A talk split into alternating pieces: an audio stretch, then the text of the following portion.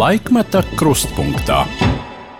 Esiet sveicināti sestdienas vidū Latvijas radio skan raidījums Laikmeta krustpunktā. Pie mikrofona Hārnis Krause, raidījuma producente Ilze Agīnta.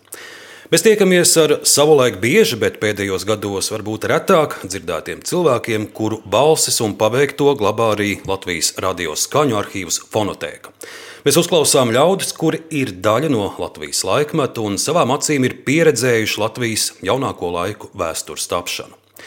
Šodien uz sarunu esmu aicinājis cilvēku, kurš pazīstams ar savas runas tiešumu, skaidro valodu un arī aso mēli. Bijis augstos amatos padomju gados, balsojis par Latvijas neatkarību, bijis saimnes priekšsēdētājs, ir triju zvaigžņu ordeņa komandieris.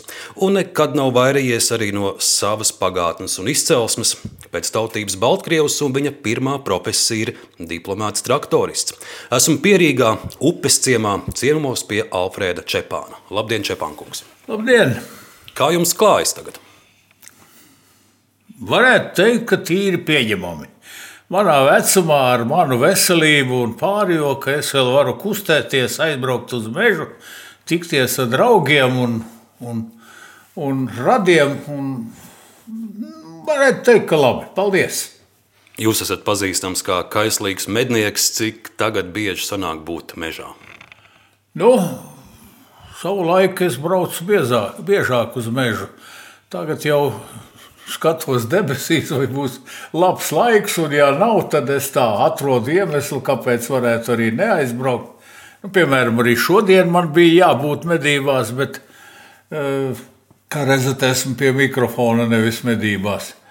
Bet uh, jā, šī aizraušanās man ir jau vairāk kā 50 gadus, un nevirkli neesmu nožēlojis, ka esmu kļuvis par mednieku.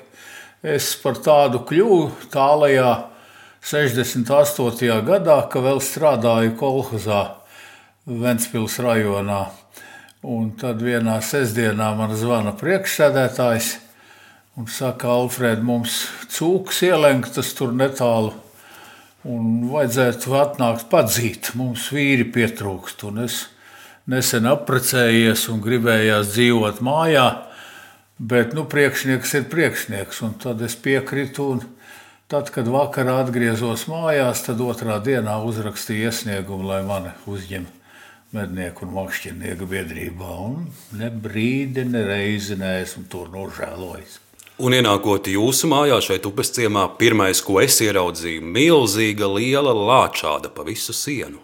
O, jā, to es iegūstu tālākajā Magadānā, Krievijā. Tā tad, un pirms 20 jau diviem vai trim gadiem nomedīju viņu tad, kad man tajā dienā, kad man piedzima pirmais, manai meitai piedzima pirmais uh, dēls, mans mazdēls. Tas, tad mēs vesela grupa, seši vīri aizbraucām no Latvijas uz turieni un visi tikām pie trofejām. Bet uh, man jau iepriekš, kas bija bijuši tur, stāstīja, ka uh, tur ir atkarīgs daudz no pavadoņa. Un man iestāstīja vienu tādu vīru, kurš labi zina to procedūru visu. Un, un es viņu tur Magadānas lidostā kā sastapu. Tā, tūlīt teica, ka gribu ar viņu draudzēties. Viņš saka, ka nav problēmu. Tālu tikai būs jāiet, ja tu gribi labu pro, ta, uh, trofeju. Es saku, jā, man tas nebaida. Bet nu, nedomāju gan, ka būs jāiet pa purvu 30 km turp un atpakaļ. Un jānakšņo uz kailas zemes ar, ar ieroci blakus, jo lāči tur staigāja tā kā te pie mums aitas, varētu teikt, pa ganībām. Daudz. Nu, un tad izdevās dabūt, bet pēc tam to ādu ap 50 kg svarā un galvu Visu bija jāatnes līdz bāzei. Tad vienu brīdi gan es teicu tam pavadonim, Sergejam, es laikam neaiziešu, tu šauji mani nos. Viņš saka, kur tu liksies, gan jau aizies. Tā es aizgāju, un te nu tāda ir tagad. Medības un mežs jūs interesē vēl ar vienu, bet uh, cik liela interese jums ir par politiku, kas arī bija liela, liela jūsu darba dzīves daļa?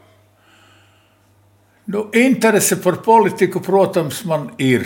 Un uh, informācija gan es tagad neiegūsta no pirmavotiem, bet tikai no preses, no radio, no televīzijas. Nu, dažkārt aptekās duša, ka nu, tad, kad mēs balsojām par Latvijas neatkarību, bijām iedomājušies, ka būs tomēr drusciņi savādāk, ka mēs turēsimies kopā tā, kā toreiz turējāmies kopā, un visiem bija viens vienīgs mērķis - atgūt Latvijas neatkarību. Nu, bet dzīve ir dzīve, un katram savs krekls tomēr ir tuvāk pie miesas. Un, un mēs nu, paputējam visu tā mūsu vienotību. Bet 4. maija deklarācijas klubs joprojām darbojas. Cik nu viņš ir palicis, tur kādi trešā daļa jau ir viņā saulē. Palikuši ir apmēram simts dzīvi. Nu, daudzi no viņiem gluži vienkārši ir atmetuši ar roku un uzskata pat, ko jūs tur tajā klubā ar ākstīšanos tik vien nodarbojaties. Un tādi Latvijā slaveni un pazīstami cilvēki. Bet nu, ko darīs? Katram savu, savu dzīvi.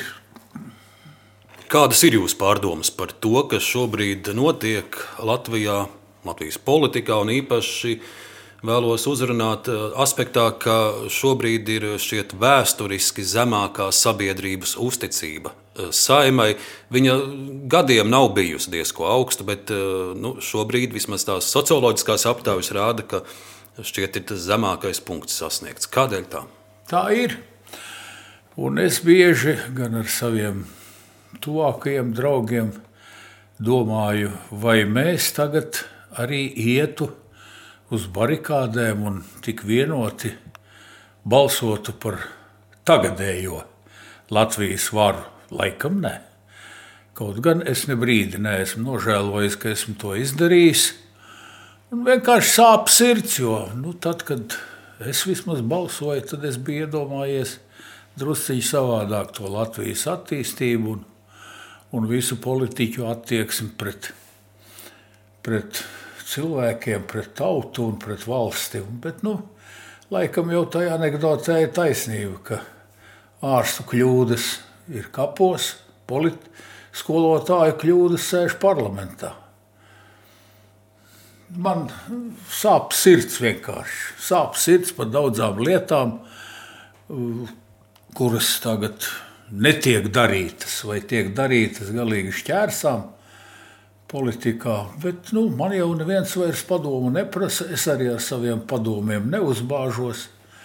Cik nu tā 4. maija deklarācijas kluba ietvaros kaut ko varam ietekmēt, tik mēs darām, bet arī tur jau ir cilvēki, kuri, nu, tā izskaitā arī klubu vadībā, kuri nu, labāk paklusēt un neiz, neizlekt un nerunāt atklāti un tieši. Un tas, tas man nav paprāta. Nu, mums ir šodien iespēja neklusēt, un viena lieta, kas, protams, ir aktualitāte, ir pandēmija un vakcinācija. Un pieminot jūsu tiešo valodu un aso mēli, jūs teicis, ka padomju laikos jebkurš kolekcijas priekšsēdētājs šo vakcinācijas procesu būtu novadījis uh, veiksmīgāk, prasmīgāk nekā tas dažkārt notiek.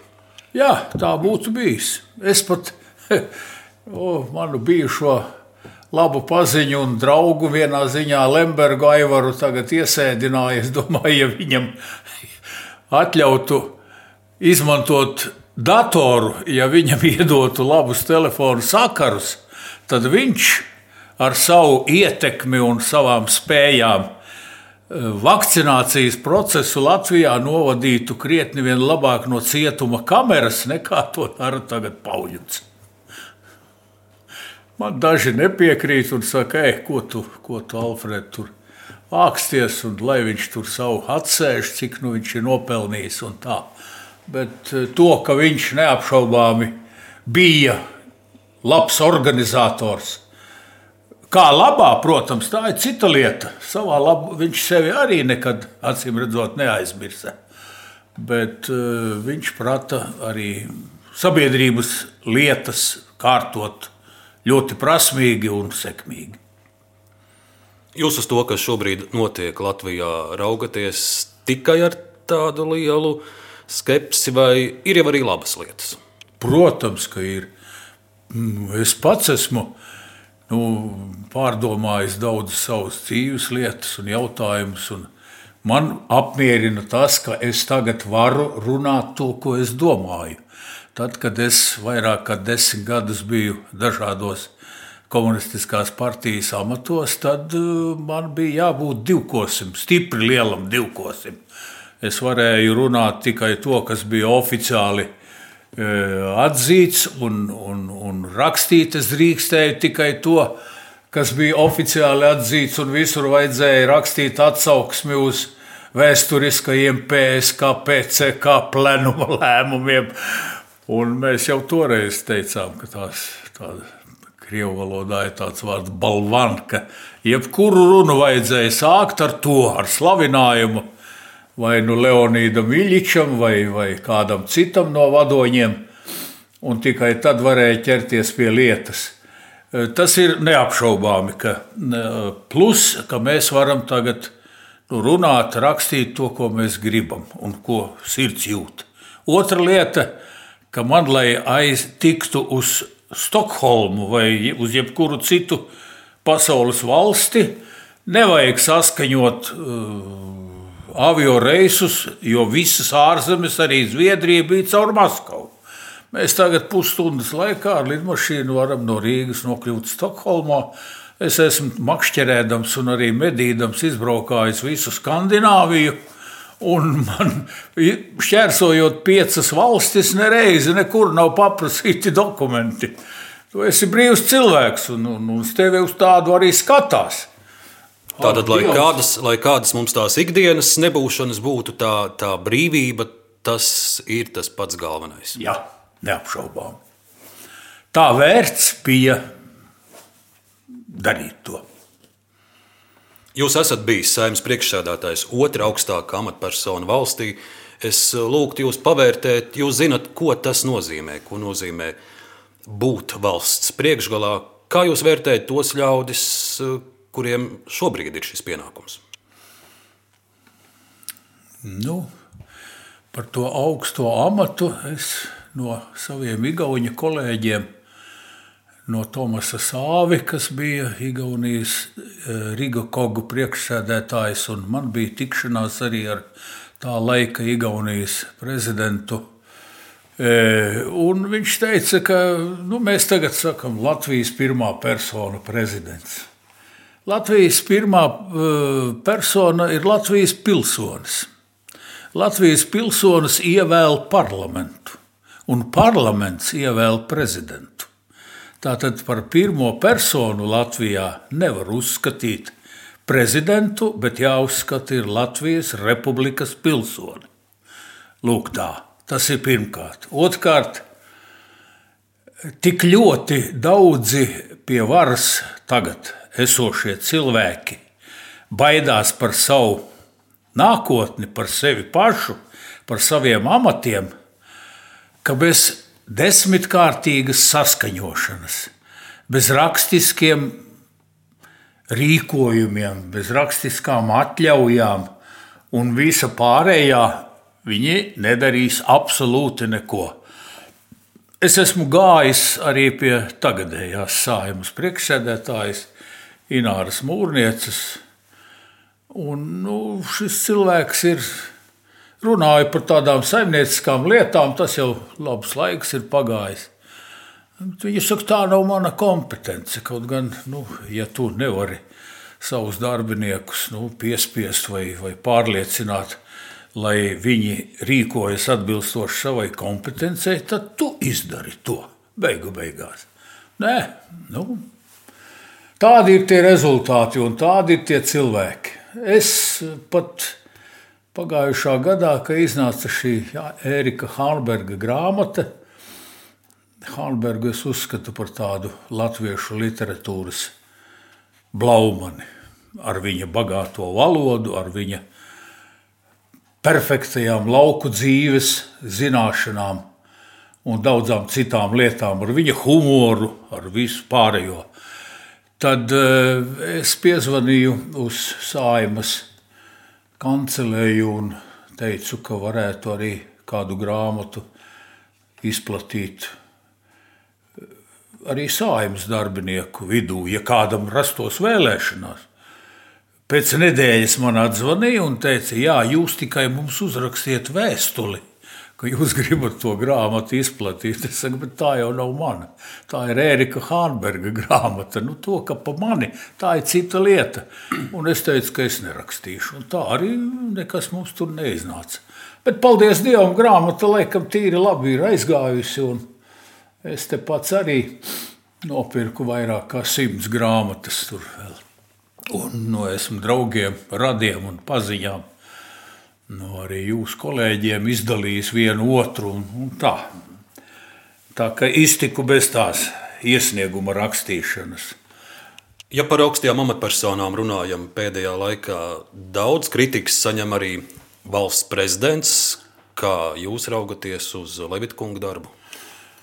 Tad, kad 4. maija deklarācijas klubs vāca mūs visus kopā un mēs rakstījām atbalsta vēstuli, lai Levita kungs tiktu iele, ievēlēts par valsts prezidentu, es nešaubīgi to darīju un parakstījos zem šīs vēstules. Tagad es to nebūtu darījis. Kāpēc? Tāpēc, ka, nu, ja prezidents pasaka, ka rīt no rīta uzlēks saule un vakarā norietēs, tad viņi to saulīti darīs arī bez tā, ko prezidents saka. Viņš visu runā un ļoti pareizi. Bet darbī, viņa darbībai nav rezultātu. Nu, vēl tagad man pašam tā šķiet, varbūt es kļūdos, bet domāju, ka ne. Šo valsts ministra amatu ieviešanas iniciatīva no viņa nāk. Kāpēc nevar nu, piespiest, lai ministrs, kurš ieņem kaut kādu amatu, darītu savu tiešo darbu? Kāpēc vēl vajag kaut kādu uh, augsta ranga klerku, kurš nu tagad nodarbosies ar atsevišķu jautājumu risināšanu? Nu, ministrs tā jau ir, nu, lai viņš dara to. Bet nē, tas pats Pauļuta kungs. Nu, viņa uzdevums tagad, cik es pats saprotu, ir radīt pēc iespējas daudz struktūru. Jo tad, kad iet slikti šai lietā, tad vienmēr var atrast vainīgo. Un viņš paliek uz sava piedestāla, neskarts un gudrs un, un, un, un, un gudri runā. Viņš pats no melnā darba baidās. Viņš droši vien nemaz nemāk viņu darīt. Tāpēc viņš ir atradis sev dažādus dienestus, kuri dara to darbu, kas faktiski jādara būt ministram. Es esmu pret to. Šis uh, pandēmijas, covid laiks agri vai vēlu, bet viņš beigsies, cerams, ka agri. Kā jūs redzat, uh, kāda Latvijai, Latvijas sabiedrībai ir mācība un kāda Latvija izies no visa šī covid stāsta? Grūts jautājums, es nezinu, ko jums teikt. Lai Dieviņš dod, ka šis covid beigtos pēc iespējas ātrāk. Tagad visā pasaulē jau ir vairāk nekā 320 miljoni inficējušies, un kādi 5 vai pat 6 miljoni jau ir miruši. Un tā skaitā mūsu nelielajā valstiņā ir 4,5 vai turpat 5 tūkstoši jau mirušo cilvēku ar covid. Vai nu viņi visi ir Covid slimības dēļ miruši, vai varbūt uh, kādu citu iemeslu dēļ, es to nezinu. Es esmu tālu no tām lietām tagad. Jā, mēs kaut kad, ja Covid beigsies pasaulē, viņš beigsies, protams, arī Latvijā. Un tas, ko tagad dara valdība Covid apkarošanai, tas viss ir labi un pieņemami, bet to vajadzēja darīt nu, vismaz pusgadu agrāk. Vai tad to neredzēja? Kāpēc tie eksperti, kuri bija nozīmēti vai iecelti par padomniekiem ministru kabinetam šajos veselības un covid apkarošanas jautājumos, pārtrauca savu darbību un teica, ka nav jēgas runāt ar valdību. Bija taču tā. Nu, tāpēc, ka viņus neuzklausīja, ka tur bija it kā gudrāki cilvēki. Nu, nu vai, vai gobzems, vai kaimiņš, vai, vai vēl tur vesela strīpa citu cilvēku ir gudrāki par šiem padomdevējiem, par to pašu Ugu Dumpi, nu, Perevoščikovu, par visiem tiem cilvēkiem, kuri, kuri nodarbojas ar šīm medicīnas lietām. Nē, viņi nosprieda, ka tā.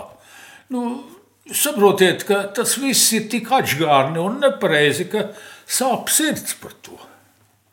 Šis laiks arī ir nu, gluži vai sarīdījis pat ģimenes locekļus, tuvus draugus, potēties vai nepotēties. Ir covid vai vispār nav tāds covid.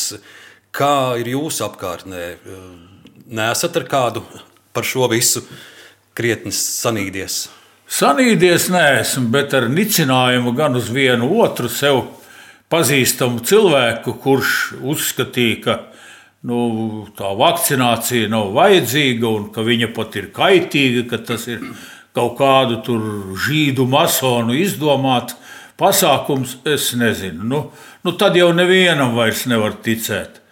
Nu, es nekad neesmu tēlojis gudrāku par doktoriem. Nu, ja doktors saka, ka tev vajag šito un to darīt, nu, tad tas ir jādara. Ja tu gribi nu, dzīvot, ja gribi būt šīs sabiedrības loceklis, nostāties kategoriski pretī, nē, es nenesāšu masku, es nevakcinēšos. Visu, nu, pie kā tas noved? Mēs paši, te, mani mājinieki, visi ir pat trīs reizes novakcinējušies, un tu, tu, tu neesam saslimuši. Bet es zinu, ka man mazdēli kaut arī ir vakcinēti, bet ar šo pēdējo omikronu štammu ir izslimojuši. Paldies Dievam, ka vakcinēti izslimoja diezgan viegli. Meita izslimoja divas reizes. Nu, vīrs viņai dakteris ir pats. Arī tas izslimoja, nu, vieglā formā, bet izslimoja. Nu, tā tad, tā tad tā saskarsme ar nevakcinētajiem visiem cilvēkiem ir. Un no tā ir ļoti, ļoti jāuzmanās. Es ar sajūsmu tagad skatījos Eiroņūs ziņas televīzijā, ka Džokovičam parādīja viņa īsto vietu. Jā, viņš domā, ka viņš tagad ir baigais vīrs, un tagad, kad nu, viņš, viņš var braukt pa pasauli, un viņam viss ir pie kājas. Nē, Austrālijā viņam pateica, vecīt, tu brauc mājā. Atbrauca smilkstēdams. Un tagad, nu, nezinu, ko darīt. Šorīt skatījos Eiroņūs ziņas. Diez vai viņš pat atgriezīšoties. Es nezinu, kur. Man, man... Francijā uz. Nolūk, lai viņš, lai viņš dzīvo tur, kur viņu pieņem. Ļoti pareizi izdarīja. Ļoti pareizi. Nu, par Covid mēs šodien vairs nerunāsim. Cerams, patiesi, ka tas pēc iespējas ātrāk beigsies. Par politiku gan mēs vēl parunāsim sarunas otrajā daļā. Šis ir saimnes vēlēšana gads, un es, Čepānkungs, gribēju dzirdēt jūsu politiskās prognozes, kas mūs sagaida rudenī. Bet raidījumā laikmeta kruspunktā mēs klausāmies arī arhīva, skaņu arhīva materiālus, kurus glabā Latvijas radiofonotēka, un ir arī vairāki arhīvu fragmenti, kurus es lūkšu noklausīties jūs ar mūsu klausītājus, bet sāksim ar jūsu izcelsmi. Un uh, šeit ir viens dokuments, es nezinu, vai jūs esat pats viņu redzējis. Es valsts arhīvā palūkojos 41. gada tautas skaitīšanu. Tāda, tā ir bieza grāmata no Kalsnavas pagasta. Un šeit ir Lūk, Lazdeņa mājas 41. gads, un ir iedzīvotāji, te gan ir poļu valodā, Cepanis Kazimirs, Cepanis Anna. Un Kazimieram rakstīts, nāk no Lietuvas, katolis, dzimis Polijā, un Annai ir nāk no Baltkrievijas, bet arī dzimusi Polijā. Tie tad ir jūsu vecāki, Kazimirs Jā, un Anna. Tā Kazimirs bija tēvs, un Anna mamma. Tēvs bija 906. gadā dzimis un mamma 910. Nu, jau vai ap 40 gadu kopš abi ir viņa saulē. Bet jā, tie bija mani vecāki. Tēvs atbrauca uz Latviju 1934. gadā, strādāja starp citu pie viena no Latvijas valsts dibinātāja pēdējā laikā, Oto nonāca Bērzaunē. Un tur iepazinās ar manu mammu, kura arī strādāja nu, par kalponi, protams, lauku mājā, nonāca kunga. Uh, un tēvs tur bija, un tā viņa 40. gadā apprecējās. Uh, bet uh, tēvs pēc pieciem gadiem 39. gadā ieguva Latvijas pilsonību, un tad viņu kā pilsoni pieņēma darbā uz dzelzceļa. Līdz tam laikam uz dzelzceļa neņēma nepilsoņus. Mamma atbrauca 36. gadā arī uz Latviju. E, viņa atbrauca no Rietumu Baltkrievijas. E, nu, toreiz viņa laikam bija Polijas sastāvdaļa. Nu, te arī dokumentā rakstīts, ka dzimusi Polijā. Vat, vat, jā. Un, un, un, nu, tā oficiālā bija oficiālā pavalsniecība bija Polijas. Jaunībā mamma bija Varšavā strādājusi kādu gadu, pavisam jauna, būdama par tādu, nu, ne guvernanti, bet tādu kā mājkalpotāju un perfekti iemācījās poļu valodu. Un līdz pat vecumam viņa jau vajadzēja runāja poļu valodā, klausījās poļu radio, bija sajūsmā par Lehu Valensu, par solidaritāti un, un citām lietām. Un, starp citu, nevienu dienu viņa nebija gājusi skolā, bet runāja četrās valodās. Tēvs ar divas pusēm bija beidzis trīs klasītes, skaitījās augsti izglītots, fiziski ļoti attīstīts, spēcīgs vīrs un stā, strādāja pa priekšstrādnieku. Pie tā paša Otto nonāca un lepni stāstīja, ka viņš ir saņēmis 90 latus mēnesī un pa vienu mēneša algu nopircis bija Ernpreisa velosipēdu, kuru mēs ar brāli jau krietni paaugušies, nu, tomēr nobeidzām līdz, līdz galam. Bet kā tad veidojās jūsu uzvārds? Jo Čepāns no nu, pirmā brīdī liktos nu, latgalietis, bet Šeit mēs šajā tautas skaitīšanas dokumentā redzam, ka tas oriģinālā jā. rakstība ir cepanis. Tad jā, kāds jā. jūs pārveidoja uz tiem čepāņiem? Jā, jā.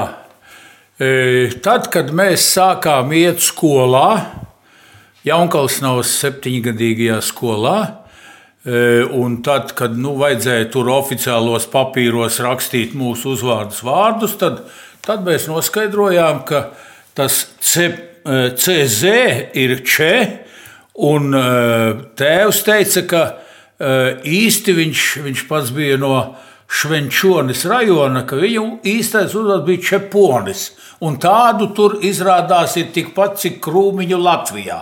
Nu, labi.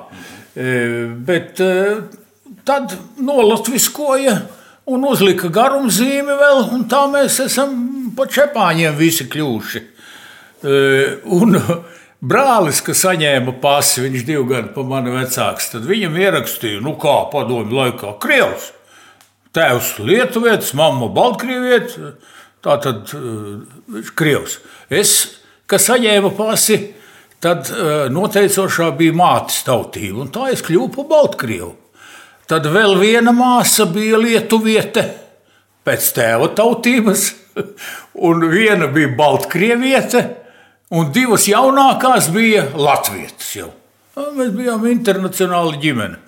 Vēl savā laikā smējāmies, nu, ka mēs te brālis Krievs un es Baltkrievs, un ka mēs tos latviešus tagad te žņaudzam. Nekāda jēga nav māsas teica, jūs mūs tā neapceliet. Mēs te, nu tā jokoju, jokojaties. Visu mūžu ģimenē runājām visi gan tēvs, gan māte, gan bērni latviešu valodā, ar akcentu tēvs un mamma, protams. Bet vienalga mēs visi runājām latviešu valodā, gājām latviešu skolās un, un arī vidusskolā un, un augstākajās mācību iestādēs. Nu, es pat nevaru iedomāties, ka es būtu varējis kādā citā valodā runāt, dzīvojot šajā valstī.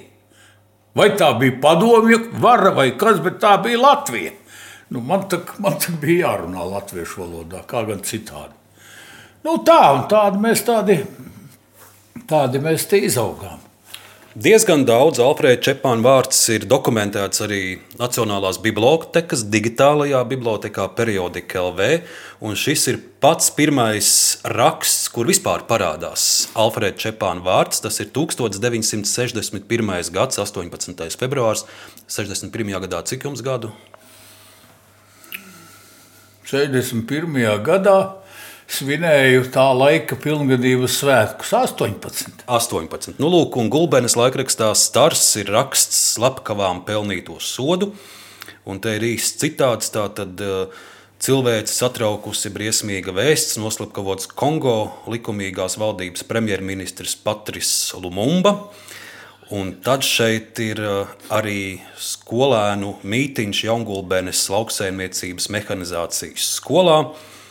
Un astotās grupas Komjaunatnes pirmorganizācijas sekretārs Alfrēds Čepāns saka šādus vārdus: Mēs audzēkņi atbalstām mūsu valdības paziņojumu par to, ka Hammeršeldam jāaiziet no ANO ģenerāla sekretāra krēsla. Lūk, šāds, šā, tas ir pirmais dokumentējums, jau tāds politisks paziņojums jā, jā. 18 gados. Es patiešām biju nu, savas šiverīguma dēļ. Es biju pa komuniešu sekretāru ievēlēts tajā grupā, astotā grupā. Un, eh, kaut gan jāsaka, toreiz Nu, tagad es varu pateikt, ka es nezināju, nekas ir Hamaršalds, nekas ir Lumumba. Es joprojām nezinu. Tas bija Hamaršalds, bija apvienoto nāciju organizācijas ģenerāls sekretārs, no nu, Zviedrijas. Eh, viens no nedaudziem, bet zviedrs bija. Eh, bet toreiz es varu roku likt uz sirds, ka es nezināju, kas tie pa vīriem. Bet man tā bija jāsaka. Un es teicu, viss, ko es varu vairāk komentēt. Par komjaunotni turpinot, ir viens interesants dokumentēts video ieraksts.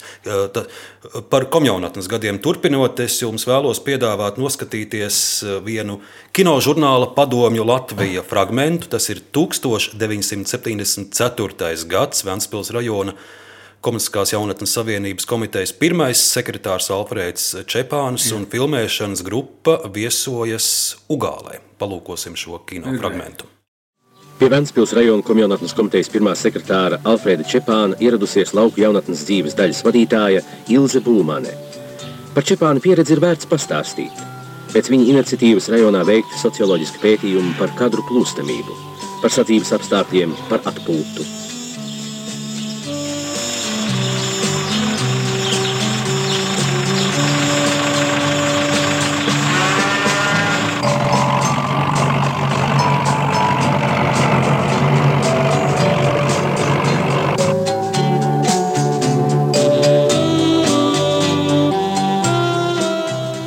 Jaunatnes migrācija uz pilsētām Ventspils rajona saimniecībās pēdējā laikā samazinājusies.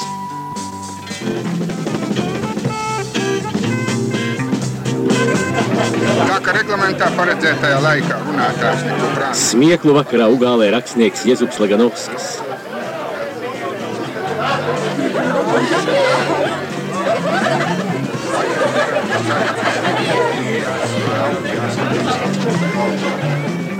Karikatūrists Gunārs Bērziņš.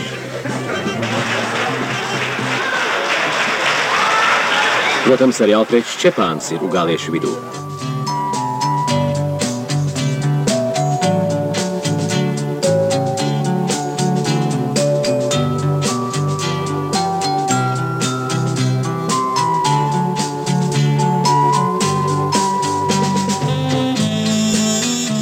Ventspilnieki veiksmīgi risina jautājumus par darba un atpūtas miedarbību.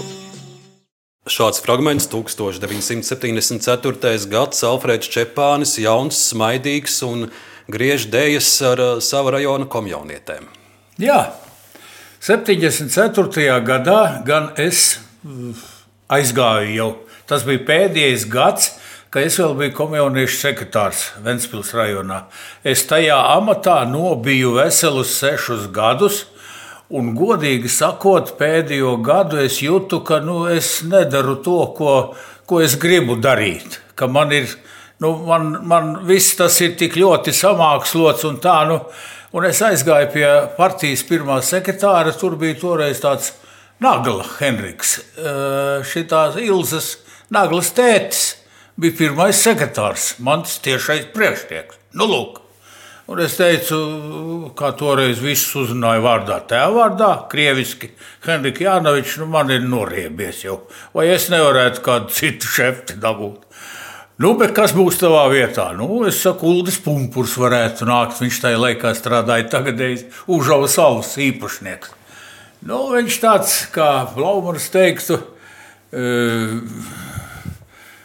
Šūlers viņš nebija, bet vēja pištoli viņš bija. nu, lūk. Jā, nu labi, un es aizgāju projām no tā darba, aizgāju, uh, Nagla paņēma mani uz partijas komiteju par ordeļas vadītāju, bet vēl tas bija jau kaut kad rudenī, 74. gadā, tad es aizgāju no komitejas projām. Te es redzēju tādām smukām makinēm, jo mati bija vairāk drusku. Es biju 72. gadā, pirmoreiz mūžā aizbraucu uz Amerikas Savienotajām valstīm. Bija jauno deputātu grupa. Lielākā daļa bija PSRS, augstākās padomas deputāti, un Latvijas PSR augstākās padomas deputāti, un es rajona padomas deputāts pa 500 rubļiem tā laika. Tās man bija, tās man bija trīs mēnešu alga. Mana. Es aizbraucu pirmo reizi mūžā, 72. gadā uz Amerikas Savienotām valstīm. Un, un, un, un, un, un, un satiku tur jau pirmos latviešus, un, un, un saskāros ar, ar viņu uzskatiem. Un, un arī pats šo to redzēju no uh, nu, tās saucamās rasu problēmas, un es atbraucu jau no turienes, jau drusku tā kā rasists pret, pret tagad afroamerikāņiem. Nu, toreiz viņus vienkārši par nēģeriem sauca. Lūk, tā. Tāda man bija pirmā pieredze. Bet jā, es biju, un tad man tur daudzi teica, nu, mēs zinām, ka Brežņevs ir bijis Amerikā. Un Čepānis vēl ir bijuši Amerikā. Vairāk mēs nemaz vienu, nevienu arī nezinām. Nu, smējāmies tā. Čekai toreiz vajadzēja atskaitīties, vai jūs tur Man... Latvijas satikāt? Un... E, nu, tur bija tā. E, tie, kas mūs tur grupā kontrolēja, tie bija augsta ranga funkcionāri no e, Ma Maskavas komitejas centrālās komitejas. Vai viņi čekai atskaitījās vai nē, es nezinu. Atskaiti es nerakstīju nevienam ne, ne komjaunatnē, ne čekai. Tur bija citi. Es biju tāds nu, ierindas cilvēciņš, kuram, kuram bija tikai labi jāuzvedās. Un mēs bijām no Jēkabpils rajona kolhoza Kalda bruņa, tāda Lidija Poriete. Arī mēs divi no Latvijas tikai bijām. Viņa toreiz bija, man liekas, vai Latvijas PSR augstākās padomas, vai nu, ne, nav svarīgi. Un viņai tur bija kaut kādi radi. Un mums tas bija kategoriski noliegts, bet mēs to Lidiju vienā vakarā tā aizšmaucām pie viņas radiem Čikāgā. Tas bija. Un uh, satikāmies un tā nu, nopietni parunājām. Uh, es tur nedrīkstēju būt komjotnes funkcionārs. Es teicu, ka es esmu viena kolhoza zootehniķa. Man ir arī zootehniķa diploms, starp citu. Lūk, tā. Uh, nu, nu tā. Par uh šiem gadiem jūs bijāt Vēnspilī sekretārs, bet arī darba ceļa veda uz Prēļiem un vēl otra Latvijas puse atkal Liepāju. Nu, tur bija tā, es Vēnspilī, Vēnspils rajonā, es uzdienēju līdz rajona izpilkomitejas priekšsēdētāja amatam. Nu, nākamā trepīte bija pirmais sekretārs. Un tad mani kaut kur partijas centrālajā komitejā Latvijā bija tur nu, pamanījuši vai ko. Tas bija tajā gadā, kad mēs smējāmies, ka visā Latvijā bija operācija Sivēns 79. Kāpēc? Tāpēc, ka tad Centrāla komiteja un ministrs padomu pieņēma lēmumu par cūkopības strauju attīstību. Un visur vajadzēja būvēt un darīt, un, var sakot, palielināt cūku skaitu. Uz to jautājumu, ar ko tās cūkas baros, nevienam nekādu jautājumu, nu, nedrīkst, tādus jautājumus nedrīkstēja uzdot. Mums tagad ir jāpalielina cūkskaits. Nu, es tur dažos kolhozos te pašā uzvarā, Ugālē tas bija. E, tur bija, nu, mēs rajonā visur skatījāmies, visi rajona vadītāji, lai, lai pie saimniecību priekšgalā būtu izdarīgi vīri. Man pirmais darbs pēc uh, padomu partijas skolas beigšanas Rīgā bija darbs kolhozā komunismu ceļš Ventspils rajonā. Un tur bija priekšsētājs Gunārs Biksons. Nu, izcili gudrs cilvēks, nerunīgs, un viņš man iemācīja vienu lietu – darīt, nevis muldēt. Jebkurš darbs tika vērtēts simtreiz augstāk nekā gudra runāšana. Un arī citus saimniecību vadītājus rajonā, cik nu jau es varēju ietekmēt to procesu. Mēs da, meklējām tādus, kā sakot, kur, lai būtu darītāji. Un kā jūs nokļuvāt prēļos? Nu, lūk, un tad kaut kam es biju iepaticies partijas centrālajā komitejā, ka šito jaunekli, man bija 35 gadi tikai, ka vajag ielikt pa pirmo sekretāru tur Latgalē. Man izsauca uz Rīgu un teica, kā toreiz teica, mēs te apspriedāmies un es nolēmu. Un tā Sieva tad man bija kurzemniece. Viņa teica, es tev nebraukšu līdzi. Un, nu, kā jau kurzemnieki ar tādu drusku pārākumu uz Latvijas skatījās toreiz. Bet es aizgāju, un gan jau sieva pēc pusgada arī, nu, kur tā viņa paliks. Nu, lūk. Un tā es tur sešus gadus biju pa pirmo sekretāru. Mans alfa un omega par ko es atbildēju ar, ar saviem vāciņiem un visu pārējo un labklājību, bija lauksaimniecības attīstība Prēļu rajonā. Un arī tur izdevās kaut kā tos vīrus, kas tur bija, nu vienu otru bija jānomaina, un tā, un nu, ar visādām metodēm, diezgan arī tādām, nu, tagad nepieņemamām, bet mainījām un darījām visu, lai, lai, lai tā lauksaimniecības dzīve iet uz augšu. Un izdevās to izdarīt. E, nu, bija tur arī tādi vīri kā Pēters Zukulis, siera rūpnīcas direktors, kurš, ja strādātu visu mūžu, kā viņš strādāja, no kādā kapitālisma valstī, viņš būtu miljonārs. Man ar tādiem vīriem ir laimējies, pēc tam Liepājā arī tādi bija. Nu, lūk, tā es nokļuvu taisa prēļos, un pēc tam par Andropovu vietā Maskavā par ģenerālu sekretāru tiesa gan uz neilgu laiku nokļuva Černienko. Mēs jau toreiz par viņu anekdoti stāstījām, ka viņš nomirst un viņam tagad nu, prasa. Viņš ellē, nu, paklau, kas tur tagad augšā, kas tur valsti regulē? Nu, Gorbačovs tāds ir. A, kas viņu atbalsta? Neviens, viņš pats staigā. Tāda anekdote jau toreiz mēs stāstījām. Nu, labi. un tā es tur, tā Černienko laikā, bija atkal jauna iniciatīva pārvietot pa horizontāli. Un nomira gods un slava tam cilvēkam, Jānis Jursons, Liepājas rajona pirmais sekretārs partijas. Viņš bija 23 gadus tajā amatā. Un goda vīrs no Jumurdas, starp citu skolotājs pēc izglītības. Nu, lūk. Nu, viņš nomira un nu, tur uz vietas ne, un ā, šito te jaunekli mēs jau, cik tam bija, jau tai 84, 41 gads. Un seši gadi jau tur strādāju. Mani pārcēla uz Liepājas rajonu. Tur es atkal nokalpoju vēl piecus gadus. Tajā amatā, tad, kad Bresis mani parāva uz Rīgu. Lūk, tā. Un Rīgā jūs bijāt arī augstā matā priekš padomu laikiem. Tagad var teikt, premjera, vicepremjeras. Jā, jā, tas bija mans smagākais periods manā darba dzīvē, jo man tika uzkrautas tādas ministrijas manā pārziņā.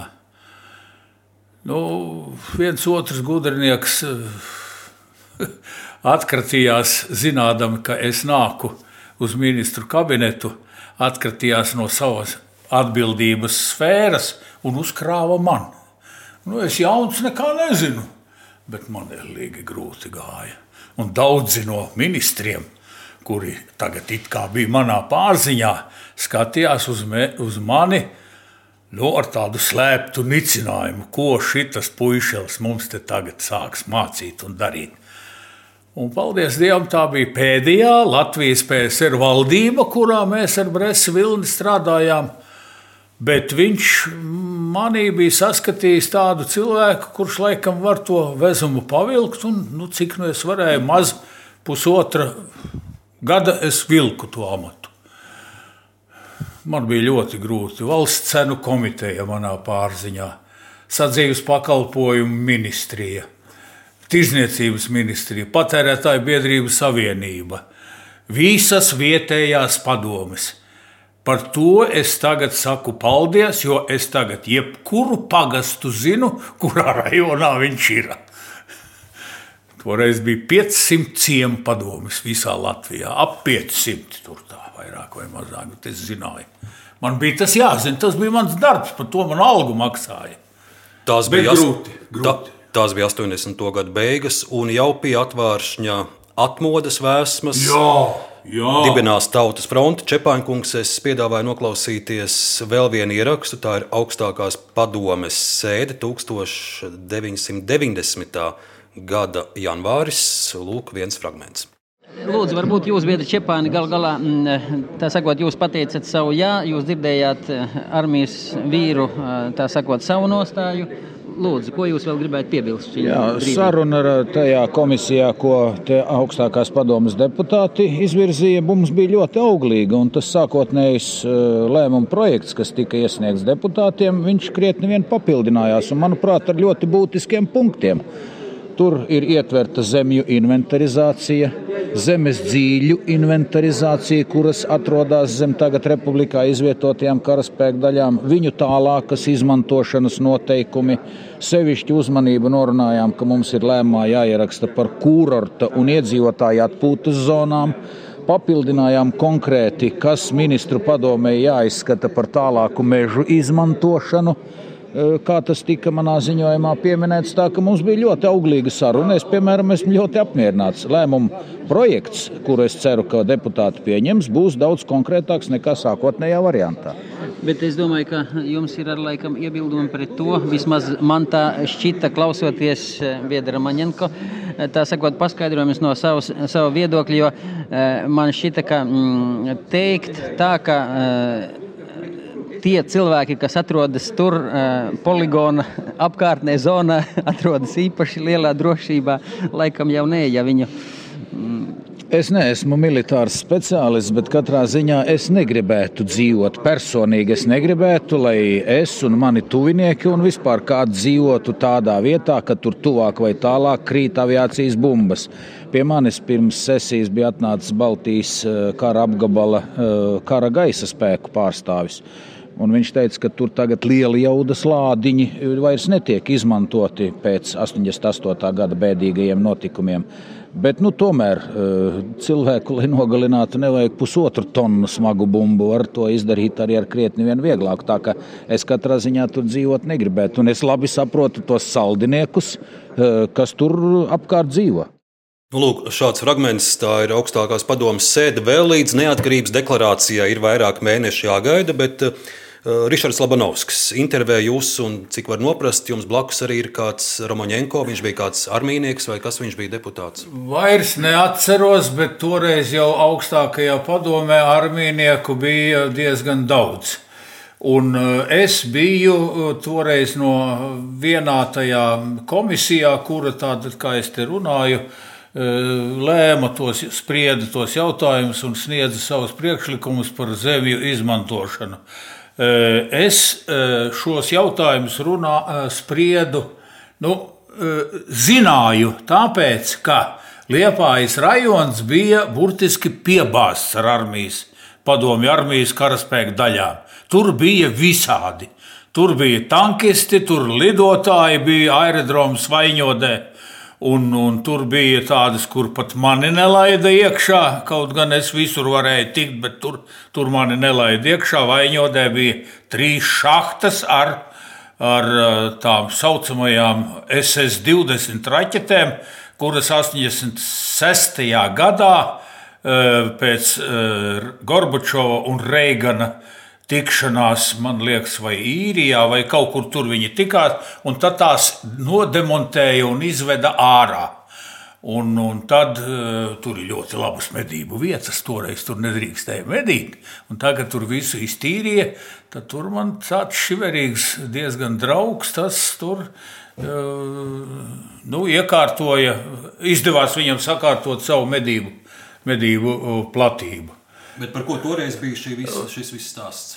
Tas bija par, par, es precīzi neatceros, bet tas bija sakarā ar, ar, ar zemju izmantošanu Latvijas PSR toreiz. Un, un mani tur ieslēdza tajā komisijā, lai, lai tā komisija izsaka savu viedokli. Un tad es tā no savas praktiskās darba pieredzes arī tā, tos priekšlikumus tur sarakstīju. Un paiet pāris mēneši, ir 1990. gada 4. maija, vēsturiskā sēde, augstākās padomas balsojums par Latvijas neatkarības deklarāciju. Un vakar, eh, skatoties arhīvā šo sēdi, gandrīz 5 stundu garumā tā ir dokumentēta, es eh, secināju interesantu lietu. Nezinu, vai jūs pats varbūt atceraties, varbūt nē. Jūs esat pēdējais deputāts, kurš runā pirms nāk visu priekšā deputāts Ozols un sāk lasīt šo balsojumu par, par, par. Vai jūs to atminat, ka jūs bijāt pats pēdējais, kurš jau piedalījāties debatēs? Es pēc jūsu sejas spriežu, ka nē. Nē, es, es tiešām es neatceros. To. Tad nu, palūkosim. Varbūt tā bija, bet es, es neatceros. Tad paklausīsimies šo fragment, ko jūs teicāt īsi pirms šī ļoti, ļoti vēsturiskā brīža. Vēl nav pagājis pilns mēnesis, kopš es ar šiem demokrātijas mīlētājiem biju citā formā. Un neviens no viņiem neuztraucās par to, ka pēc tam mani centrālā prese un daļa republikas preses aplēja ar dubļiem no galvas līdz kājām. Neviens nemeklēja taisnību, neviens neme, nemeklēja preses centru un vainīgos pie šīm apmelojumiem. Stāvēsim tam pāri, mums taču ir daudz nopietnākas lietas risināmas, bet tas, protams, attiecas uz tiem, kas spēj to. Šis temats ir izsmelts un vairāk nav. Čepānkungs, kas šī ir pa epizode? Īsts brīdis pirms svarīgā lēmuma jūs dodaties pie mikrofona. Tad jāsaprot konteksts, kas, kas bija tā jūsu sāpe tur. Nu, jā, to es tā drusku atceros, jā, bet nu, detaļās, bet atceros, jā, ka nu, Interfronte, kas toreiz bija jau, jau nu, protams, izveidojusies un, un ar zināmu ietekmi, eh, visu šo balsošanu gribēja pārvērst par tādu, cirka izrādi, ka lūk, tagadējā augstākā padome nav tiesīga to jautājumu izlemt, ka to vajag saskaņot ar Maskavu, saskaņot ar, ar, ar Velns viņu zina ko. Bet pats galvenais, lai nenotiktu šī balsošana, jo viņi labi zināja spēku samēru. No 201, man šķiet, augstākās padomas deputāta 130 deviņi mēs cerējām, ka balsos par Latvijas republikas atjaunošanu. E, vajadzēja pēc Latvijas PSR konstitūcijas prasībām divas trešdaļas par šo jautājumu. Tas ir 134. Nobalsoja 138, un uh, baznīcas kungs Zotovs atturējās. Nu, Interi visi izgāja ārā, mana vārda brāļa Alfrēda Petroviča gudrajā vadībā. Lūk, tā.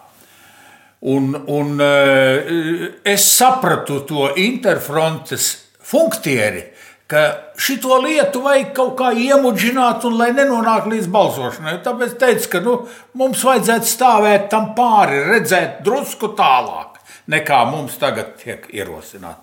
Tā bija pārbaudīta interfrontes taktika daudzos jautājumos. Nomuļāt jautājumu un beigu beigās neizlemt. Starp citu, tagadējā valdībā ir tādi paši meistari, kur var nomuļāt jebkuru jautājumu un neizlemt. Pēc 90. gada, sakot, 91. gads, augusts, Latvija pilnībā kļūst neatkarīga.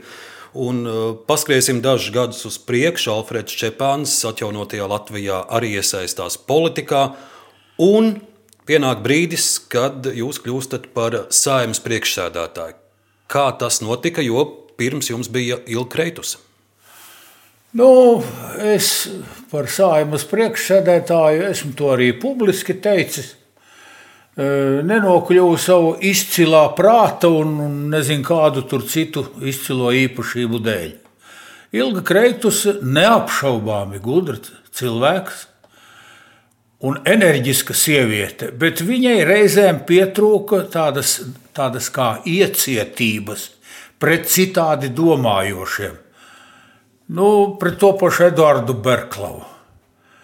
Viņa vēsturniece un rādīja man, es pats redzēju daudzus dokumentus, kurus Berklaus bija parakstījis 1941. gadā par cilvēku izvešanu un represēšanu ar Berklau parakstu bija.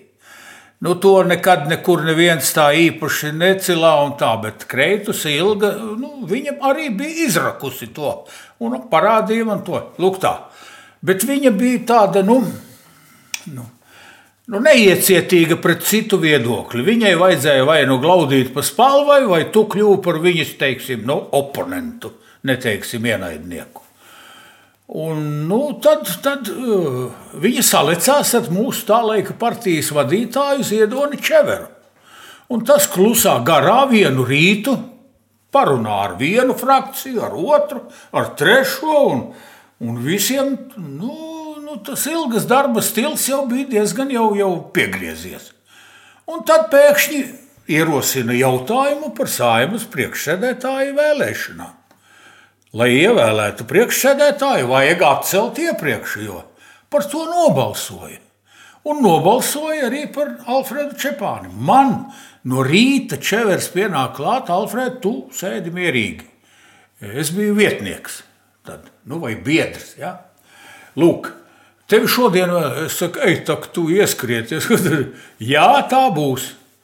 Tā nobalsoju, un es tur 86 balsis dabūju. Jā, pat, pat eh, kristīgie tur kādi, tur man liekas, ka nacionāļi. Nu, ne jau, ne jau manu prātu un, un lielo, lielo ģeniāli, manas ģenialitātes dēļ, nē. Bet gluži vienkārši viņi gribēja nomainīt priekšsēdētāju nu, ar tādu. Nu, pielaidīgāku varbūt raksturu. Lūk, tā, tā es tur kļuvu. Ilga gan pēc tam ļoti apvainojās uz mani un teica, ka es visu mūžu esmu sapņojis par to, lai viņu izkostu no vietas. Nu, tā ir viņas problēma. Bet vienu brīdi viņa cilvēks, tā, cilvēks tas pārgāja, un tagad mēs, kas attiekamies, ļoti normāli varam aprunāties. Un... Bet nu, bija to laiku arī jums jāuzklausa dzēlīgas piezīmes. Es presē oh. skatos, ka Dažs labs, eh, arī tagad zināms eh, cilvēks, toreiz diezgan publiski teica, kas te tagad būs traktoris par parlamentu priekšsēdētājs. Tas taču nekur pasaulē nav iedomājams. Es zinu, tā teica. teica. Es zinu, kas to teica, un Dievs, Dievs ar viņu, lai viņš tā saka. Bet ar šo cilvēku, kas tā teica, es tagad politikā un biznesā nemūžam neiesaistītos, jo viņš ir caur un caur negodīgs. Un Man tas nav pieņemami. Man jau mamma stāstīja, dēliņ, tu nedzīvo viens pats uz šīs pasaules. Tev ir vienmēr jārēķinās arī ar citiem. Un es to esmu darījis un daru arī vēl tagad. Čepankungs vēl īsi par šiem laikiem. 90. gadu vidus, 90. beiga. Daudz, daudzi šo laiku saist arī ar privatizāciju, privatizāciju ar laiku, kad Latvijā tapa politiķi, kurus sauc arī par oligarhiem. Īpaši šīs divas personas sākumā izceļot, kuri sadalīja īpašumu. Kā jūs tagad jau ar krietni laika atstāt uz to visu skatāties? Un arī Čeverkungu jūs pieminējāt viņa loma. Čeverkungs tagad ir aizgājis prom no politikas, cik man ir zināms. Es dažas lietas zinu, kur viņš uztaisīja sev. Nu, nu, var, var to saukt par biznesu vai ko, bet tā ir, lai, lai, nu paliek, lai paliek uz viņa sirdsapziņas. Bet eh, tie daži cilvēki, kuri piedalījās privatizācijas procesos, zināja, ko dara. Viņi ieņēma pietiekami augstus amatus vienā vai otrā ministrijā, un līdz ar to viņiem bija tiesības parakstīt daudzus naudas dokumentus un daudzus jautājumus, kas attiecas uz privatizāciju. Nu, kaut vai no lauksaimniecības uzņēmumiem, pārtikas produktu pārstrādes uzņēmumiem. Tur, tad, kad tika izveidota deputātu komisija, kaut kāda jautājuma tur izpētēja, tur izrādās, ka visi tie dokumenti, pirmdokumenti ar šī cilvēka parakstu, vienkārši bija pazuduši. Jūs par Andrisu Čēlu runājat? Jā. Nu, nu, viņš, nu, viņš ir viņš. Viss vairāk es nekomentēšu. Esot saimnes priekšsādātājam, jums 4. maijā jāsaka arī svinīgā runa, un Latvijas radioarkīvs ir dokumentējis 1998. gada 4. maija svinīgo sēdi. Valsts svētku runu saka Alfrēds Čepāns. Paklausīsimies. Nu, tad jau. Astoņi gadi ir pagājuši kopš brīža, kad Latvija juridiski atjaunoja savu neatkarību.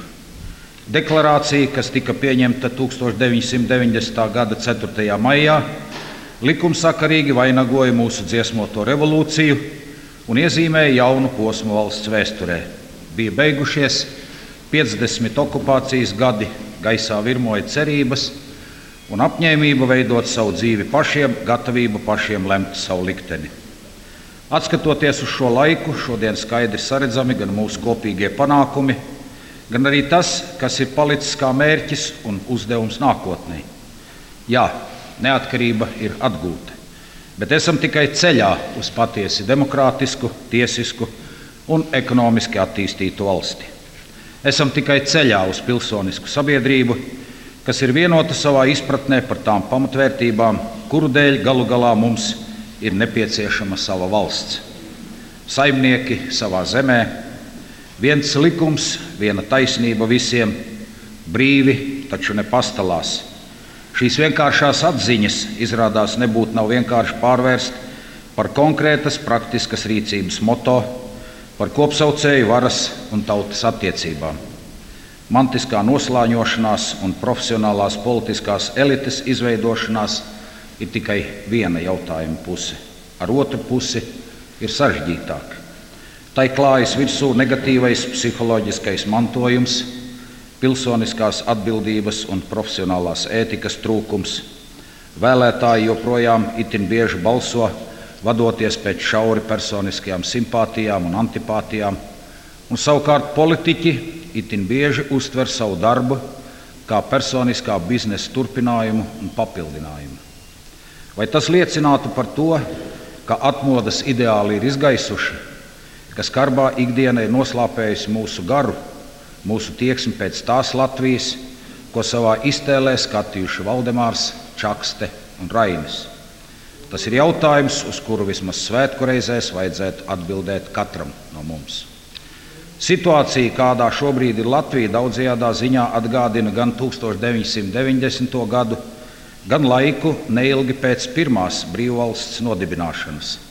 Sarežģītas starptautiskās attiecības, iekšpolitiskās kolīzijas, sociāla-ekonomiskās problēmas. Šāds fragments no 1998. gada 4. maija Jūs tolaik runājat par to pašu, par ko jau pirms brīža mēs runājām, par to, ka dažam labam politiķim tā politika, politika ir tikai daļa no biznesa. Jūs runājat arī par uh, saspringtām attiecībām ar Krieviju, kas arī šobrīd ir aktualitāte. Jā, tur man ir tas, kā bijušo politiķi, uztrauc visvairāk. Nu pat izveda Krievijas karaspēku un citus nu, pakalpiņus arī no Kazahstānas, kurā piedalījās nu, galvenokārt Krievijas karavīri ar it kā miera misiju. Un tūlīt, vismaz programmā Eiroņūs parādīja, ka karavīri iebrauc Baltkrievijā, tiek izkrauti no vagoniem, tanketes, bruņu mašīnas, smagās mašīnas un cilvēki. Un es tā domāju, kāpēc Puķins ar Lukašenko norunāja taisīt manevrus februāra mēnesī. Beigās man atausa gaisma. Februārī taču ir arī referendums Baltkrievijā par jauno, it kā jauno konstitūciju, kuru Baļķa uztaisīja pats. Un viņš jau nu nebūs tas, kurš pats sev būs iztaisījis nelabvēlīgu referendumu. Un tagad nu, manevri būs labi, būs referendums. Un kas tur pa brīnumu, ja pie katra vēlēšana iecirkņa būs pa bruņu mašīnai, vīri ar automātiem, lai būtu miers, klusums un kārtība. Un tā arī būs. Jūs redzēsiet, ka tā būs. Jo Lukašenko es pats biju vienu brīdi viņa fans. Es ar viņu arī personīgi esmu ticies 98. gadā aizbraucām ar parlamenta delegāciju uz turieni, un viņš pusstundu veltīja arī mūsu delegācijas uzņemšanai. E, un tad, kad e, nu, daudzas lietas tika risinātas Baltkrievijā, kā man toreiz likās, un daudziem likās, ļoti nu, prasmīgi un mērķtiecīgi. Bet tad, kad es pagājušā gadā pēc vēlēšanām redzēju, ka Lukašenko ar automātu rokās skraida pa laukumu, un, un uh, draudz savai tautai, tad manī, manī kaut kas ļoti, ļoti pārtrūka. Ne tāpēc, ka es pēc papīriem esmu Baltkrievs, bet tīri cilvēcīgi. Nu, nevar prezidents tā darīt, nekādā gadījumā. Un tagad tas gudri, nu, viņa prāta gudri ir sali, sarīkotas Krievijas un Baltkrievijas karaspēka mācības Baltkrievijas teritorijā Cik tur cilvēku piedalīsies un kādas tās mācības būs, skaidrs, ka mēs patiesību neuzzināsim nekad. Kaut gan visos starptautiskajos dokumentos ir noteikts, ka cilvēku skaits drīz būt vai 20, cik tur tie tūkstoši un tā. Nu, nebūs tā. Luka ar Voloģu sakārtos tās lietas tā, kā vajag viņiem. Es saprotu, ka Baltkrievija ilgi sēdēja uz diviem krēsliem. Viņš gribēja slaukt gan Eiropas Savienību, gan Krieviju. Bet vīrietim sēdēt uz diviem sēdekļiem vienmēr ir bīstami, var pautus saspiest. Nu, lūk, un viņš tāpēc, nevis viņš, bet Voloģa nolēma, pietiek tev te ākstīties, tu nāksi pie manis, kā viens no slāvu nu, dižākajiem vadoņiem. Un tad tur tie vidusāzijas, tie tur, kā sakot, baju, pakalpiņi tie paši atskries. Tā jau arī būs. Nu, lūk, jo Puķins un vispār Krievijas valdošā elite nekad nepiedos Baltijai par prom aiziešanu. Nekad. Tas lokus, ko it kā izcirta Pēteris I uz Eiropu, tagad ir aizklapēts ciet. Un Krievija, lai eh, atgūtu tos ekonomiskos zaudējumus no Klaipēdas, Liepājas, Rīgas un Ventspils uh, ostām dabūja ieguldīt vairākus desmitus miljardu dolāru, lai uztlugu, uztlugu uztaisītu Leņņģeradas apgabalā, tur netālu no Pēterburgas un, un, un vēl dažas lietas. Viņi to nekad nepiedos. Un vienmēr skatīsies uz Baltijas valstīm, un īpaši uz Latviju, kā centru Baltijas valstīs, kā ar, ar, ar, ar tādām acīm. Nu, lūk, tā tad eh, es nedodu ne sprāgušu mušu par to, ka kaut kas eh, tiks izdomāts tāds provokatīvs, lai, lai tie NATO spēki, kas te ir Latvijā un, un, un, un citās Baltijas valstī, valstīs, varētu, varētu kaut kā sākt darboties. Lai nedod Dievs, bet eh, manī ir tādas stipras aizdomas un nemieris, ka tas tomēr tā varētu notikt. Ar bažām raudzīsimies, kas notiks, bet Čepānkungs vēl piedāvāja atgriezties eh, tajā laikā, kad jūs vadījāt Latvijas parlamentu. 98. gada 26. mārta sēdi jaunākajai paudzei liekas, ka daži tādi eh, spilgtāki runātāji ir tikai tagad politikā. Spilgtāk es varbūt pat dažreiz pēdiņās liktu, bet Arī jums bija jāsaskaras ar tādiem deputātiem, kurus bija nu, teiksim, grūti vadīt. Un šeit ir viens fragments no šādas sēdes, kur es abrīnoju jūsu pacietību. Pat nu, pakla nu, nu, paklausīsimies. Nu, nu, man bija draugi, Valdmanis bija mans draugs, tur, lai viņam vieglas smiltis. Es esmu Latvijā, man nav neviena šefta Latvijā. Esmu šeit, tāpēc, es ceru, ka es kaut ko labu maniem radiem, jo visi latvieši man radi, izdarīšu. Un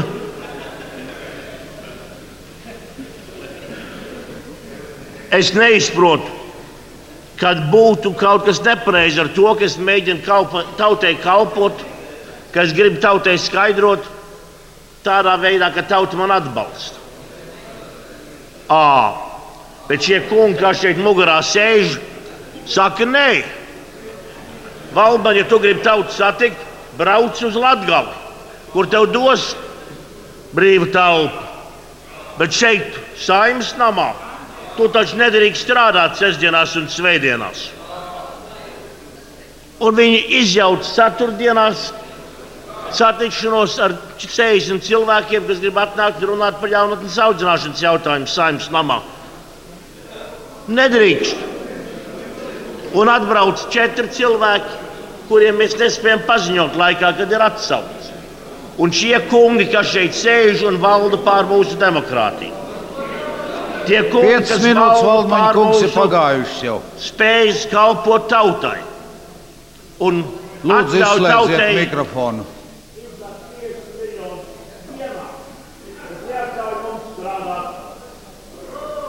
Ja jūs, Valdmaņa kungs, negulētu dienā, tad jūs pietiktu ar darba dienām te strādāt. Nebūtu sestdienas, svētdiena jānāk. Kārlis Leškalns otro reizi. Es vēl tikai par tādu topu, jūs jau sen esat par to tapis. Lūk, šāds fragments. Atminaties! Detaļās neatceros, jā, bet ar Valdmaņa kungu mēs bijām lieli oponenti. Kā jau es teicu, viņš, viņš bieži vien runāja. Viņš šeit tad mīlēja iegriezties arī tajā sājumas bufetē, tur ieraut drusku. Un, un tad nāca tribīnē un neko, nu, nu jādod vārds, ir deputāts viņš ir. Un viņš tāds drusku tāds jau, jau iesilis mēdz runāt. Un tad, kad es mēģināju viņu izdarīt, Nu, tas bija mans pienākums, kārtības rullis to paredz. Kad jā, sēdes vadītājiem jāaicina eh, runātājus runāt par lietu. Nu, es arī tieši ar tādiem vārdiem viņu aicināju runāt par lietu. Viņš pagriezās, kādu lietu. Es saku par apspriežamo jautājumu. Kādu apspriežamo jautājumu? Viņš vienkārši nu, runāja, viņš tāpēc Vienkārši, lai tiktu tribīnē un, un, un, un bija pieteicies. Bet šajos laikos jau nekas daudz nav mainījies. Ne? Vai dieviņ, nu, nu, žēluma gals, bet, bet tā ir. Tā ir. Jā, tādi, nu, es, lai Dievs nedod jau, bet gan jau būs, gan jau būs. Par tādiem demagogiem kā Gobzems un vēl tur viens otrs. Nu, Nu, ja tādus ievēl parlamentā, nu, ko mēs varam tad gribēt un ko mēs kādam varam prasīt? Bet droši vien, ka būs arī kas par viņu balso. Nu, kaut kur ja jau ar reitingiem ticēt, tad kaut kur ap 4,5% viņam tā likums un kārtība, vai kā tur sauc, un to partiju tur būs. Un, un, un, Un vēl tur dažas ir tādas, kuras nu, jau ir vairāk kārt bijušas tur. Nu, nu, nu, nelien, tā jāsaprot, ir. Nu, nē, nē. Nu, man žēl, ka tīri prātīgi cilvēki ir salīduši tajās, tajās partijās, kuras jau ir sen bijušas. Es runāju par Šleseru, Aināru. Nu, viņš neapšaubāmi gudrs un apsviedīgs vīrs un, un biznesā orientējas labi, bet, bet nu, politikā nevajadzētu viņam līst. Nu. Bet redz, viņš uzskata politiku par savu biznesa neatņemamu sastāvdaļu. Un ar, ar to arī viss tiek saistīts un, un, un tie ir viņa rīcības motīvi.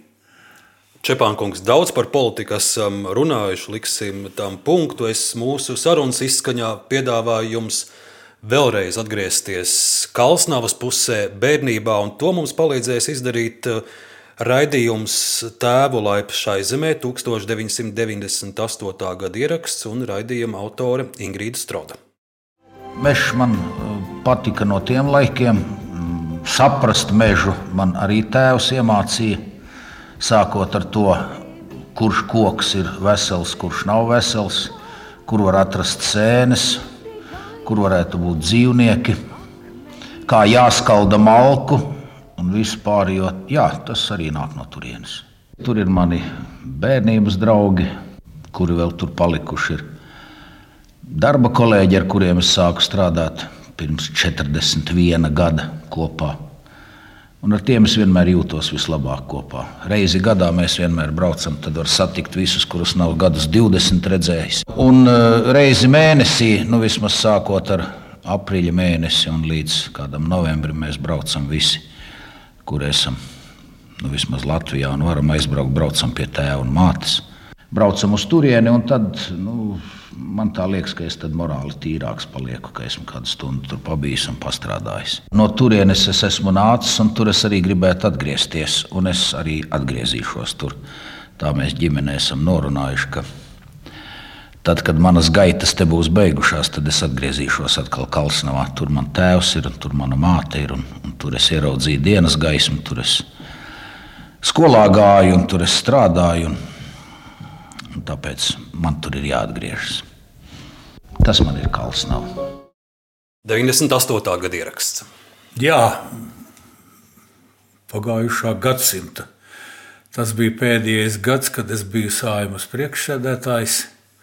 98. gadā bija vēlēšanas, un tad ievēlēja citus, un mani ar ziediem izvadīja. Un tad, kad es teicu vārdus, kas man bija pēc kārtības ruļļa jāsaka, lūdzu sājumas priekšsēdētāju Jāni Straumi ieņemt savu darba vietu.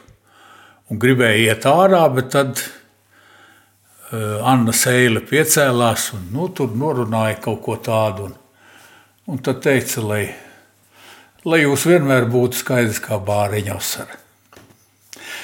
To nu, man Kaut kā tā izspruka, ka pēc tam, nu, jā, kad es ilgu nomainīju priekšsēdētāju amatā, un tad ilgi teica, ka nu, Čepānis jau vienmēr vada sēdes tikai tad, kad ir ierāvis.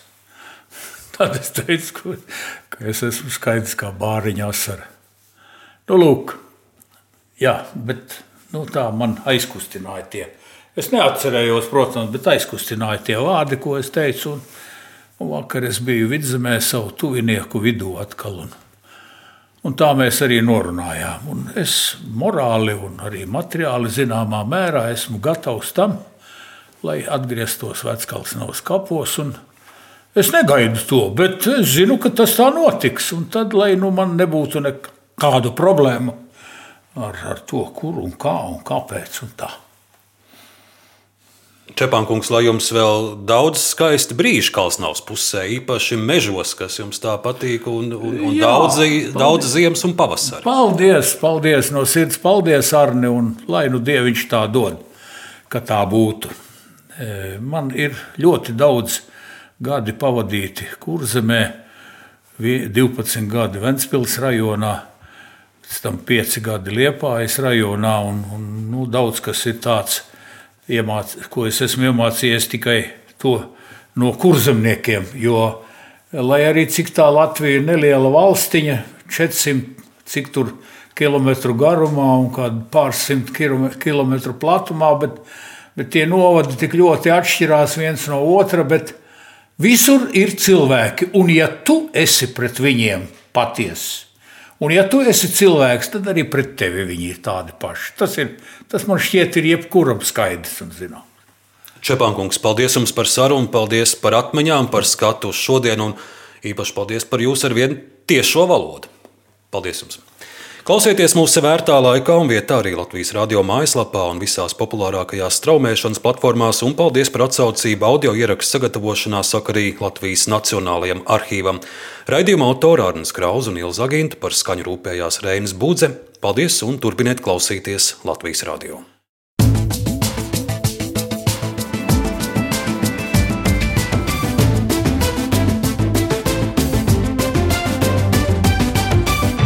Laikmeta krustpunktā.